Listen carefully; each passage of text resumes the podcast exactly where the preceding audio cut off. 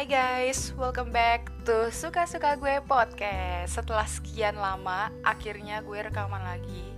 Sorry banget nih udah menunggu. Kayak ada yang nungguin aja gitu ya podcast gue. Nah, jadi kalau kalian masih ingat tentang episode eh, FWB Itu kan kalian pada suka tuh ngebahas hal-hal begitu. Sekarang gue datengin lagi nih narasumber yang sama dan ngebahas tapi halnya beda Berbeda tapi tidak membosankan juga. Karena ini tuh pasti banyak banget yang terjadi di kalangan remaja kayak kita-kita. Kita panggilkan Mbak Adila. Hai Dil. Hai, selamat malam. Malam. Apa kabar lo nih? Apa kabar? Eh, bahagia dong, kan udah ada someone nih. Udah, udah, udah, udah. Kan udah move on nih. Oh, udah move on. Ngomong-ngomong tentang move on, kita hari ini mau bahas apa nih? Eh, tips how to move on ya. Ya kayak yang kebanyakan di requestin kemarin pas di Instagram, gimana sih caranya move on kok kayaknya legowo-legowo aja, eh, banyak disakitin dan lain-lain. Padahal kalau udah disakitin dan benar-benar sakit, move on tuh kayak susah banget gitu ya, kayak hal yang hampir mustahil gitu. Benar-benar banget. Ada orang yang nyampe mencelakai diri sendiri karena nggak bisa move on. Lu ya? nggak pernah tuh gue mah selalu dia mencelakakan orang lain nggak bercanda Kan menangis mendengar ucapanmu. Gue lagi pakai headset. Ya Allah dark jokes. Astaga ya ampun, jadi dengerin ya. oke gimana gimana nih? Jadi pertama-tama yang belum tahu background storyku dalam percintaan nih Yang pertama, aku tuh pernah ditinggal nikah loh. Astaga. Karena pas aku pacaran sama si doiku Eh doiku tuh malah ngehamilin orang lain. Ini yang yang paling-paling sakit aja ya yang aku baca- eh, yang aku omongin ya. Terus yang kedua itu pernah dalam hubungan toxic dan abusive Jadi yang eh, kena apa namanya kena fisik kayak gitu tuh udah fisik psikis tuh semuanya udah udah kena gitu loh. Yang sampai kamu tuh lihat bener-bener doimu tuh having sex di depan matamu kepergok gitu loh maksudnya. Kayak gitu. Itu tuh aku juga udah pernah. Sedih banget nggak sih? Nggak ya? Ya udah bukan Terus- kayak ngomong terus yang paling akhir tuh gagal gagal nikah sih lu, Yang lu udah tahu paling kan? baru paling baru ini Iya, jadi lu udah tau lah lika-liku percintaan gue tuh naik turun banget pastinya. Ya apa ya yang lu ketahui tuh kayak berat dan menyakitkan banget gak sih? iya benar-benar tapi gue mak ini sih benar-benar tertarik sama yang bagian lu tuh di apa namanya toxic relationship maksud gue kayak lu digebukin segala macam gitu tuh lu baru sadarnya gimana Eh, bar dulu sih bukan karena nggak sadar ya, lebih kayak ketakut kayak gitu. Karena sebenarnya kalau kita di bawah tekanan tuh bisa loh sa- saraf-saraf kita tuh emang nggak bisa kayak nge-freeze gitu loh. Maksudnya kayak kita mau ngelawan, heeh, kayak kita mau ngelawan dan lain-lain tuh bener-bener nge-freeze banget dan nggak ada kekuatan untuk nyerang balik ataupun apa namanya ya membentengi diri sendiri tuh nggak ada gitu loh. Jadi ya udah oke. berarti pada saat lepas dari si cowok ini jatuhnya lu bukan nggak bisa move on dong malah langsungnya lega? Iya sebenarnya tetap nggak bisa move on karena kan eh, nggak bisa dipungkiri juga kan kita juga ada momen-momen yang bahagia juga kan. Oh, di iya balik abusive dan toksiknya doi itu gitu loh. Iya sih kadang tuh ada orang bilang kayak gini kalau misalnya kita udah putus tuh bukan kangen sama orangnya tapi sama momennya. Aja oke lanjut next. Terus banyak banget nih kemarin yang eh, tanya-tanya baik di Twitter Benar, maupun benar, di, benar. di Instagram eh, gini gimana ya caranya move on? Padahal aku tuh sudah menyerahkan semuanya termasuk keperawanan nih. Nah ini tuh rada ada sex educate-nya juga ya. Oke, nah kayak gitu. Kalau yang boleh aku saranin belajar untuk ikhlas dulu sih. Intinya dari semuanya ini belajar untuk ikhlas nih Rin nggak ada jaminan kalau kamu udah ngasih semuanya ke seseorang itu seseorang itu nggak akan ninggalin kamu. Dan yang namanya hubungan kan awal mulanya dari baik-baik kan. Cuma kalau ujung ujung atau akhirnya berpisah itu ya memang yang terbaik buat kalian juga. Maksudnya ya kalau kalian udah berakhir ya memang itu yang terbaik gitu loh maksudnya. Kayak gitu. Terus ada yang mau ditanyain nggak Rin? enggak lanjut dulu. Ya udah menurutku move on itu tuh ketika yang pertama kita bisa menjalani hari-hari tanpa terbayang mantan nih. Yang kedua move on itu ketika udah nggak ada rasa pengen stalking sosmed mantan. Susah banget tuh. Ya itu apalagi sih. sekarang zamannya tuh mudah banget kan ya? Iya nyari nyari apa pun. informasi itu tuh sangat kecil eh, sangat gampang iya sangat gampang banget sih dan kayak tangan tuh gatel. Gimana sih storynya sekarang udah sama siapa sih? Ya, lagi ngapain apa, sih? betul, kayak gitu kan. sama orang itu pasti ada aja gitu rasa pengen stalking lah, stalking. lah itu sebenarnya yang salah nih. Semakin kamu stalking tuh malah semakin bikin kamu sakit hati loh. Ibaratnya sakit hati itu tuh kamu yang buat sendiri. Nggak kamu nggak bisa move on tuh ya karena perbuatanmu sendiri gitu loh. Terus yang ketiga biasanya tuh kita tuh ngebanding ngebandingin diri diri dengan pacar barunya mantan. Misal kita udah stalking terus tahu mantan tuh sama pacar baru eh pacar barunya itu lebih jelek dari gue dan itu tuh menurut gue tuh salah sih. Maksudnya ngebanding ngebandingin kayak gitu. Misal eh pacarnya tuh lebih lebih apa namanya lebih gendut atau gimana gue lebih langsing itu salah banget sih menurut gue. Ya sih itu termasuk kayak ini gak sih ciri tidak tidak bisa move on tapi secara tidak langsung gitu? Iya maksudnya move, move on yang masih ada benci dan dendam gitu gak sih? Move on terselubung terus melihat ke belakang tuh udah nggak ada perasaan amarah dendam kesan benci semuanya tuh udah oke okay, yang terjadi legowo yang gitu terjadi ya. ya udah terjadi gitu loh. Maksudnya eh, lu udah mikirin untuk ke depan diri lu sendiri aja gitu kayak gitu. Gitu. Terus kembali ke ceritaku yang tadi gagal menikah nih. Nah itu healingnya gimana tuh? Nah, itu sih sebenarnya buatku di masa lalu itu butuh waktu sekitar berbulan-bulan buat move on, nggak ya nggak cepet sebenarnya sih. Dan dan proses yang aku jalani pada masa itu adalah aku nulis jurnal nih kayak semisal aku nulis blog ataupun aku nulis diary. Karena memang aku kan hobinya rada rada sedikit ke nulis-nulis gitu ya walaupun kagak jelas nih tulisannya nih. Ya, gak apa-apa Jadi- dulu. Jadi ya semuanya yang aku rasain yang aku pendem yang uh, uh, apa semua kesakitan itu tuh aku curahkan uh, lewat tulisan. curahkan lewat tulisan. Kadang memang uh, apa namanya kalau kita cerita ke orang kan nggak mesti orang itu menjadi pendengar yang baik ya. Maksudnya kalau kita nulis tuh ya ya udah kita curahin semuanya. Dan biasanya aku kalau move on itu kayak cari-cari quotes quotes move on kayak gitu ataupun quotes quotes tentang sakit hati kayak gitu loh. No anjay. Sebenarnya kalau dibilang hancur atau terpuruk udah Udah pasti, ya. ya ini ibarat kamu lagi berdiri di atas karpet nih kemudian karpetnya kamu tarik. Ya kan kamu udah pasti kejengkang kan ke belakang kan kayak tiba-tiba banget gitu loh ya sih kok bisa begini sih kayak gitu ya. Rasanya kayak nggak terima banget apalagi lu gagal nikah gitu loh maksudnya.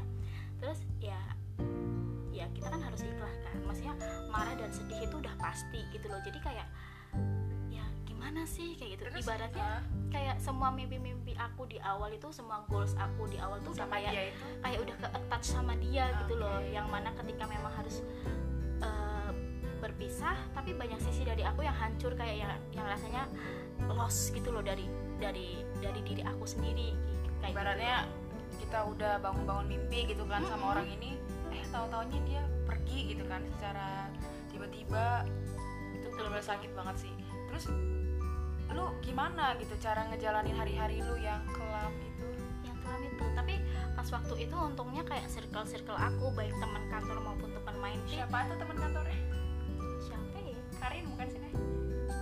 Kagak ada tuh namanya Karin siapa?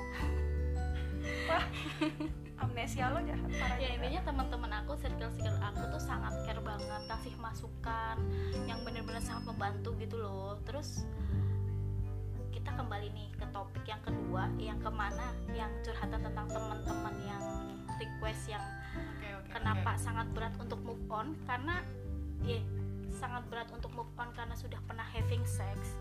Menurutku jika kalian ngelakuinnya itu tidak dalam keadaan terpaksa dan itu kon- konsensual memang sama-sama mau nih ibaratnya kamu kan memberi nih tapi kok pamrih sih? Ibaratnya kamu udah memberi yang sama-sama mau tapi setelah kamu putus tuh kamu ungkit-ungkit maksud nggak? Mm-mm, masuk masuk kayak gitu. Kamu tuh apa sih uh, mengharapkan jika kamu memberi itu tuh pasangan kamu nggak uh, semisal ibaratnya kamu udah memberi itu tapi kamu berharap kalau pasanganmu itu nggak nggak boleh ninggalin kamu itu tuh salah itu menurutku mindset yang perlu diubah sih ya. Karena kayak gitu tuh nggak pikiran kayak gitu tuh nggak nggak bekerja buat masa depan lo gitu loh maksudnya. Karena tuh kalau menurut gue ya kenapa kita semua mikir kayak gitu itu udah tertanam aja.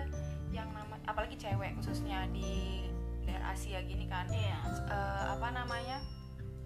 Kayak keperawanan atau Iya sih. apalah itu tuh pasti sangat tabu gitu kan. Betul jadi betul. se- pada saat kita udah tidak memiliki hal itu kesannya tuh udah gelap banget gitu. Apalagi buat cewek tuh itu kan sangat sangat diagung diagungkan iya kan ya. benar-benar sih. Nyampe sekarang walaupun 2020 tetap aja masih banyak orang yang mikir kalau lo nggak perawan ya udah lo mau jadi apa? Gitu kan. Betul betul. Sedangkan eh, apa namanya nilai perempuan itu yang memang gak ya memang sih kalau lo masih perawan ya bagus kalau enggak ya jangan jadikan itu jadi patokan utama juga kan masih banyak lo yang bisa hal-hal lain gitu kan Nah, iya benar.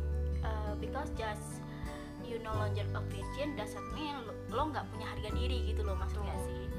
Jadi karena ya life must go on gitu loh Rin. Jadi yang perlu disadari adalah kamu tetap berharga dan itu sudah terjadi ya udah terjadi gitu loh. Dan itu konsekuensinya karena sama-sama mau ya. Beda lagi kalau sama perkosaan harus harus maju buat cewek-cewek. Kalau memang lo udah benar-benar ngasih segalanya sama cowok ya udah gitu loh. Maksudnya ya emang terpuruk terpuruk pasti ya. Tapi lu nggak bisa kalau kayak gitu terus gitu loh Oke, berarti poin pertama itu adalah lo kita harus mengikhlaskan dulu, belajar benar ikhlas. benar benar benar belajar ikhlas. Terus poin keduanya, terus jadi aku mau ngingetin nih buat teman-teman yang pikirannya kalau memang berhubungan seks sebelum nikah itu adalah keluar dari value atau dilarang sama agamamu ya jangan dilakuin gitu loh. Atau kalau kalian masih mikir persepsinya bahwa hubungan seks terus make him or her stay in relationship ya jangan dilakuin gitu loh. Eh, karena pada dasarnya kan kamu nggak bisa kontrol orang lain gitu loh kalau kamu udah having sex tapi kamu berpikiran dia untuk stay ya kamu kan nggak bisa maksudnya kamu nggak bisa kontrol kontrol orang lain ya yang bisa kamu kontrol ya dirimu sendiri gitu loh kalau semisal kamu mikirnya nggak boleh berhubungan di sebelum menikah ya yang harus kontrol dirimu sendiri gitu kamu mau digodain eh, mau digodain gimana pun ya kamu harus kontrol maksud nggak sih iya paham. Jadi kalau lo punya prinsip memang tidak melakukan hal itu sebelum nikah ya jangan gitu. Mau lo digoda-goda kek, mau kayak gimana ceritanya kek, ya udah jangan lakuin. Kalau suatu saat lo udah ngambil keputusan itu ya lo jangan menyesal. nah bener Kecuali kalau lo direbus secara paksa ya itu beda cerita lah ya. Terus move on itu sebuah komitmen Rin Yang harus kalian sadari dari move on itu adalah sebuah proses It's a long journey dan waktu yang dibutuhin setiap orang untuk move on tuh berbeda-beda Jangan pernah kamu ngebandingin semisal Eh temen aku kok move onnya cepet banget sih 3-4 bulan Nah itu tuh nggak nggak bisa kamu banding-bandingin Karena apa yang kamu rasain dan beda Kayak gitu Terus ya intinya berusaha juga eh, berusaha juga kayak in- apa namanya satu kayak blog sosmed mantan kayak gitu juga apa namanya satu cara untuk move on juga sih apa unfollow mantan itu menurut aku bukan sebuah atau sesuatu yang childish kalau emang itu usaha yang perlu dilakukan supaya batinmu tenang ya why not gitu karena Ya, semakin aja. kita kepo kadang semakin Semakin sulit. semakin sulit dan pikirannya tuh semakin gak tenang gak sih? Kayak gitu semakin ya mental lu kena psikis lu kena kayak gitu loh. Benar benar benar benar. terus karena se- eh, sebenarnya kan kebahagiaanmu itu yang jadi prioritas kan kayak gitu. Gimana kamu mau move on kalau kamu masih ngelihat Instagram atau Facebooknya dia atau kamu benar-benar masih membuka pintu untuk berhubungan? Misalnya WhatsApp pun kamu masih masih apa masih benar-benar kamu buka nggak kamu blok kayak gitu kalau semisal aku eh, pengen move on tuh biasanya aku semuanya unfollow sih Benar-benar putus koneksi kan. Ha-ha, Sampai putus koneksi. kita siap lagi. Nah, bener nih. Jadi yang harus dilakukan di awalnya adalah no contact period kayak gitu.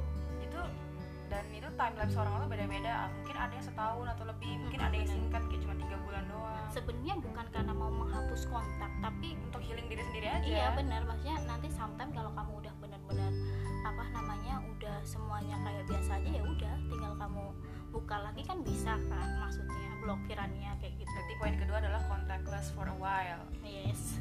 No contact period itu penting supaya kamu tuh memberi waktu untuk dirimu untuk sembuh ya ibaratnya healing tadi itu Iya. kayak gitu. Terus yang terakhir kalau buat aku cara move on itu yang pertama jangan takut buat rasain sedihnya dan jalanin prosesnya. Kamu tuh nggak boleh takut kalau kamu memang pas mau move on kamu nangis, kamu sedih ya emang prosesnya tuh seperti itu kayak gitu loh. Jangan di jangan dipungkiri kalau kamu move on tuh kamu harus tegar gini-gini tuh enggak. Kamu mau sedih ya udah sedih aja kayak tapi menurut gue kalau yang masalah sedih itu kayak harus kasih batas waktu sih Iya. misalkan nih gue mau nangis nangis mau bersedih ria selama seminggu ya udah selama seminggu itu lo nangis ya apa silahkan gitu Iya, kan. nggak nggak berkepanjangan juga Iya, sih. tapi selesai dari waktu yang dulu tentukan ya udah lo harus bangkit lagi, lo nyari kesibukan kek atau lo hangout sama temen-temen lo sih kalau gue kayak gitu. Terus yang kedua, fokus sama diri sendiri. Ibaratnya distraksi yang paling bagus adalah improve dirimu. Semisal kalau kayak Oh. buat cewek atau cowok pergilah ke salon untuk kamu jadi tambah ganteng kayak tambah cantik kayak atau gimana kayak gitu. Maksudnya ya. buat dirimu sendiri maksudnya kayak gitu. Mau tambahin? Mani pedi kayak ngapain kayak gitu kan ya? Ya beli baju juga bisa sih. Iya sih kalau gue tuh biasanya kalau move on itu ya bener eh, tadi poin-poinnya sih beberapa udah gue terapin gitu kan. Yang pertama banget itu adalah gue pasti langsung no contact period itu. Biasanya sih gue nggak ngeblok orang tapi gue mute mute aja gitu sampai iya ya itu sam- juga bisa gitu. sampai gue lupa gitu kan. Sampai suatu hari baru pas gue udah bener move on gue baru nggak oh anjir ternyata gue masih follow dia gitu. Terus kalau emang gara-gara tidak penting banget ya baru gue unfollow. Gue sombong. Lu seleb apa nih? Selebgram Tangerang. Followersnya berapa? ya terus? Terus biasanya gue paling itu tuh cari teman-teman deket gue ya. Ya puji Tuhan sih teman-teman deket gue tuh suportif semua orangnya. Kayak gue ya. Males. Jadi kalau misalkan gue cerita apa aja pasti dengerin. Kadang kan kalau orang lagi sedih atau lagi marah atau gimana kita suka cerita ya. Misalnya hari ini kita cerita tentang si A. Bisa aja eh, besoknya kita cerita hal sama hal sama hal sama. Dan kalau misalkan temen lo itu temen yang baik itu biasa akan dengerin walaupun udah 15 kali gitu cerita hal yang sama benar benar dengerin. benar nah temen kayak gitu tuh jadi tinggalin. Kalau gue biasa itu cerita-cerita terus. Abis itu gue nyari kesibukan diri sendiri tuh. Entah gue nonton YouTube kayak atau gue lari eh, olahraga. Gue waktu sakit cinta. Iya gue olahraga kok guys. Walaupun sebentar. Terus sekarang nggak olahraga? Soalnya lagi jatuh cinta. Eh, enggak mas di kode mas sama Karin. Ini gue cut. Jangan ya. Terus yang ketiga tuh kalian tuh kalau mau move on tuh nggak usah maksa atau buru-buru sembuh gitu loh. Take your time. Iya. karena karena tuh yang namanya healing itu pasti orang butuh waktu. Semua proses itu pasti butuh waktu. Jadi jangan terburu-buru. Semakin kalian berusaha untuk aduh gue pengen move on pengen move on itu malah semakin lambat sih benar benar. Kalau semakin dipaksa ya malah kamu semakin ingat gitu loh. Iya justru memang udah ada ritmenya. Dari lo nangis dulu lo naik turunnya tuh ada gitu. Kalau masalah move on. Kayak siapa tuh? Iya ya itulah. Malas gue nyebutin namanya. Ya udah itu kan eh, tipsnya itu ada tiga. Sebenarnya tadi bisa kamu tambahin yang keempat bisa kamu tambahin ikhlas. Terus yang eh yang ketiga kamu bisa tambahin ikhlas. Yang keempat kamu bisa tambahin no contact period ya. Terus yang terakhir banget nih dari pod- podcast ini saran aku yang terakhir jangan pernah menggunakan seseorang untuk melupakan seseorang terus banyak sih itu kasusnya Iya, itu tuh benar-benar salah. Mulailah untuk mencoba merelakan dan ikhlas, bukan melupakan. Lupa dari otak dan rela dari hati. Cobalah untuk move on dari hati bukan dari otak. oh ihi tolong di quotes ya Tolong di coach ya. tapi ada juga tau jadi gue ada teman kasusnya itu adalah dia tuh nggak bisa move on gitu. Jadi dia harus menggunakan orang baru untuk membantu prosesnya dia. Ya Itu sebenarnya salah banget. sebenarnya kalau menurut gue pribadi adalah kalau memang itu hal itu berhasil dan memang benar-benar pasangannya itu membantu dia untuk move on dan dia benar totally move on ya it's okay. Yang salahnya itu adalah kalau misalkan nih pasti kan awalnya itu mereka ada suatu kejujuran dong. Pasti si salah satu pasangannya pasti cerita eh gue tuh sebenarnya belum bisa move on dari gini gini gini terus pasti si cowoknya atau si ceweknya bilang ya udah gue bantu move on terus akhirnya kalian bersama gitu syukur-syukur kalau berhasil kalau enggak kan kasihan si pihak yang sudah membantu gitu kan Hmm, benar-benar. Tapi yang banyak terjadi case-nya adalah semisal kamu belum move on, kamu tuh nggak ngakuin gitu loh. iya kayak gitu Hmm. itu sih eh, tai ya kayak terakhir case case untuk move on ini sebelum gue apa namanya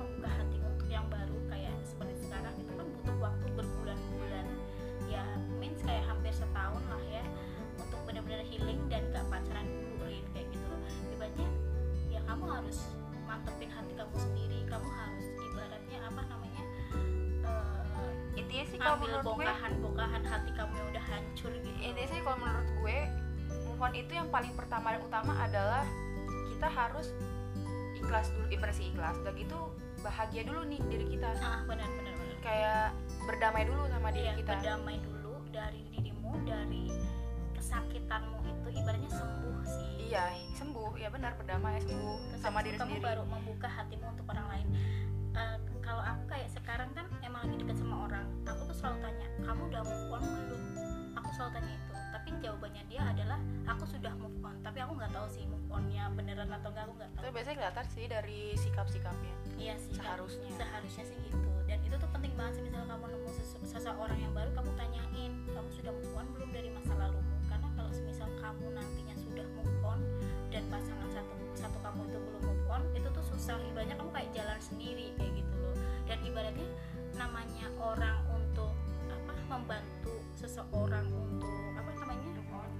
itu susah loh. Eh, nggak mudah orang kamu mau membantu dirimu sendiri untuk move on aja susah gimana kamu? Dibantu orang lain. Ah, bener nggak? Udah, udah gitu orang lainnya nggak mau dibantu. Ya udahlah goodbye all ya nggak sih? Ya hindarin hindarin aja sih Tapi kalau- gitu. tapi kalau case gue adalah misalkan nih gue lagi sakit hati sama orang. Entah kenapa ya ini sih gue ya. Mungkin beberapa orang juga hal yang sama. Adalah gue menyukai orang baru. Hmm. jadi misalkan nih gue sakit hati sama si A terus gue ketemu nih orang wah nih orang kayak menarik nih cakep nih kayak gitu kan. Orang dari fisik lo ya? Eh tidak dipungkiri guys kita orang tuh pasti suka cuci mata gitu kan. Cuci dompet aja ngapain? Cuci doang kagak ada isinya emang Iya, percuma. terus? Ya udah kalau gue tuh tipe kalau gue adalah misalkan gue lagi sakit hati gue akan mencoba untuk deket sama orang baru. Dan biasanya kalau sama gue tuh pasti berhasil iya kan ini sudah terjadi. Jangan pacar? Gak punya sih? Kan yang mau daftar. Kalau yang mau jadi pacarnya Karin bisa nih kirim CV siapa tahu mau taruh. Nggak bisa gue Kristen. Itu ada taruh gak sih? Kayak nggak ada deh setahu gue ya. Eh kok jadi malah bahasa agama? Tapi seriusan emang ada? Kayak nggak ada deh kalau kayak gitu. Lu Kristen KTP lu ya ya gue setiap hari minggu gue masih streaming kok. Streaming apa ya? Streaming gereja aja kebaktian. Gue kira streaming itu? Nggak ngerti nggak ngerti. Masih janin. Gue kira lu masih tit tit. Hah apa sih anjir? Susah. ngerti. Susah kalau ngomong sama orang halu. Lawakan bapak-bapak bapak-bapak Facebook. Bapak bapak. Ya udah terakhir nih dari MC mau ngomong apa nih Eh, tadi berarti kesimpulannya yang pertama itu adalah ikhlas yang kedua itu adalah no contact period abis itu yang ketiga apa tadi? Nikmatin prosesnya. Nikmatin prosesnya artinya berdamai dulu sama diri sendiri. Terus yang keempat? Gue lupa iya. Fokus sama diri kamu sendiri. Iya fokus sama diri sendiri. Terus yang kelima tuh gak usah buru-buru lah. Give it time for yourself. Nah betul banget. Jadi tuman-tuman kalau kayak ingin move on itu bisa kok. Semangat ada orang yang lima tahun baru bisa move on? Ada. Ada temen gue juga ada. Ada bener. Gue aja move on dari yang sebelumnya. Berapa tahun? Setahun gue baru bisa move on. Ya sama. Ya udah. Ya bye jadi segitu dulu ya guys podcastnya. Kalau misalnya kalian ada yang cerita-cerita ya boleh lah sharing-sharing sama kita gitu kan. Atau mau request next podcastnya nya tuh apa sama si Dak Joldila Iya, gue mah intinya bukan masalah politik ya. Kalau masalah percintaan is oke lah. Kalau lu tanyanya masalah politik, masalah agama, aduh, give up gue. Apalagi masalah matematika, aduh, bodoh banget gue. pantesan aja MTK lu tiga ya nilai lo di UN apa dua Gak lulus lo Lulus orang gue pakai kunci jawaban. Astagfirullah jangan dicontoh ya adik-adik kalau denger Oke guys, terima kasih telah mendengar pot suka-suka gue podcast. Dadah, see you. Bye.